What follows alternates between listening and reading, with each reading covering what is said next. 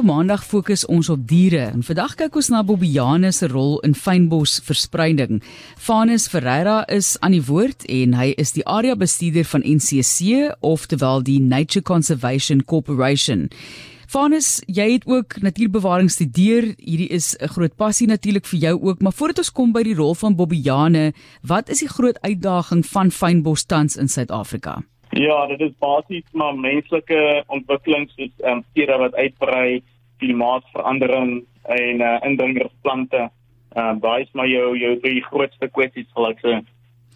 Nou ek moet sê toe ek nou in Rwanda was, vanus daar by die gorillas en so, hulle is nomaries, so hulle beweeg heeltyd rond. Hulle wil daar gaan waar daar lekker vars kos is, so hulle slaap ook nooit op dieselfde plek nie. Kan jy vir ons insig gee in Bobianus se se manier van leef. Jy weet, het hulle een plekjie waar hulle slaap heeltyd of beweeg hulle ook so rond?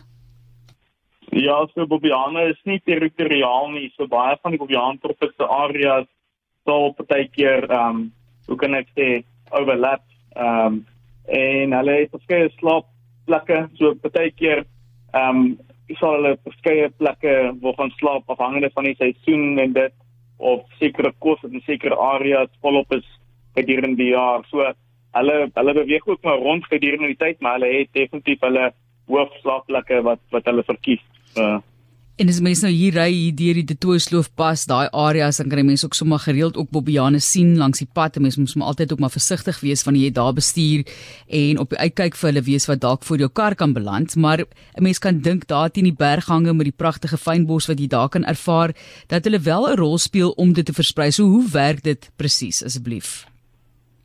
Ja, so Bobiane speel 'n baie belangrike ekologiese rol in die fynbos. Ehm um, hier dat hulle sal die fynbos eet en dan hulle sal ehm um, weer die die sade versprei. Ehm um, hulle hulle groewe in die grond rond en hulle eet die bulbs en dit so hulle speel 'n baie belangrike rol in terme van saadverspreider ehm um, in die in die in die peninsula. Hoeveel Bobiane is besig om hierdie verspreiwerk te doen as jy dit vir ons so kan verduidelik? Ehm um, daar's oor die hele peninsula al, al die Bobiane oor die peninsula wat in die pynbos steek en dit so daar's 'n hele klomp wat wat dit sal doen ja, almal speel 'n belangrike rol ja.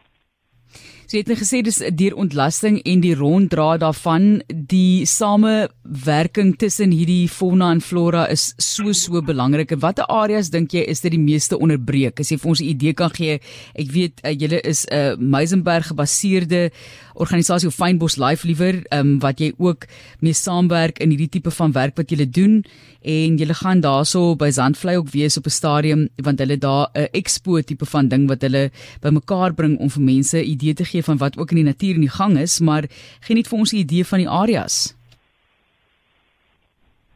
Ja, so ehm um, as mense meer wil weet, ons sal by Zandvlei wees ehm um, die uh, 10 September 2023 ehm um, waar ons stelletjie sal leer meer mense meer te leer oor Bobiane en hulle ekologie. En uh, ons sal ook 'n uh, um, ons 'n uh, stelletjie van um, entities of firefighting agentskap um, wat ons ook mense sal leer oor belangrike rol wat vure speel in fynbos ekologie en biodiversiteit. Um, en net vir kleinetjie inligting oor uh, die fynbos fair um, dis van 10:00 die oggend tot 4:00 die middag 10 September en dis 20 rand vir volwassenes en kinders om ons geniet. En as hulle meer wil weet, kan hulle die webwerf www.steinboslife.com besoek as hulle meer inligting daaroor wil hê. Kom ons praat net gou, jy het jy het nog vir ons gesê gaan vir ons sê die areas wat mense die meeste op moet fokus wanneer dit kom by Bobbejaan en Fynbos. Ek het nou verwys hier byvoorbeeld die Toysloof daai tipe van van area en, en rigting. Ons weet, jy weet, jy kan dink hierso in Tafelberg en Swaan. Watter areas dink julle nog aan? Ek sien ek eh, verstaan hierdie vraag nie. Is daar nog areas byvoorbeeld waar daar volop bob bobbiane is wat dan die fynbos op so 'n manier kan help?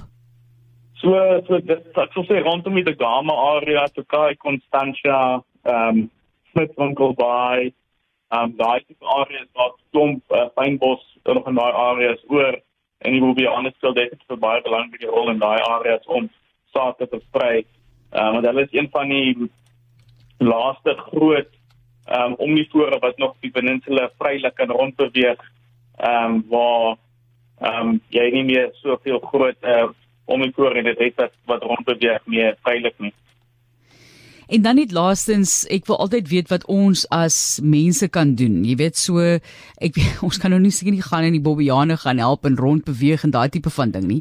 Maar uh wat kan ons doen om die fynbos op so 'n manier te help? Ehm um, ons kan maar net ehm um, basies vier probeer verhoed ehm um, en ehm um, nie besoedeling te maak nie en seker maak dat die mense um, meer in heemse plante groei in jou tuine en dit um, plant sodat mense nie um, uitheemse plante of invasive plante um, besade versprei in die peninsula nie.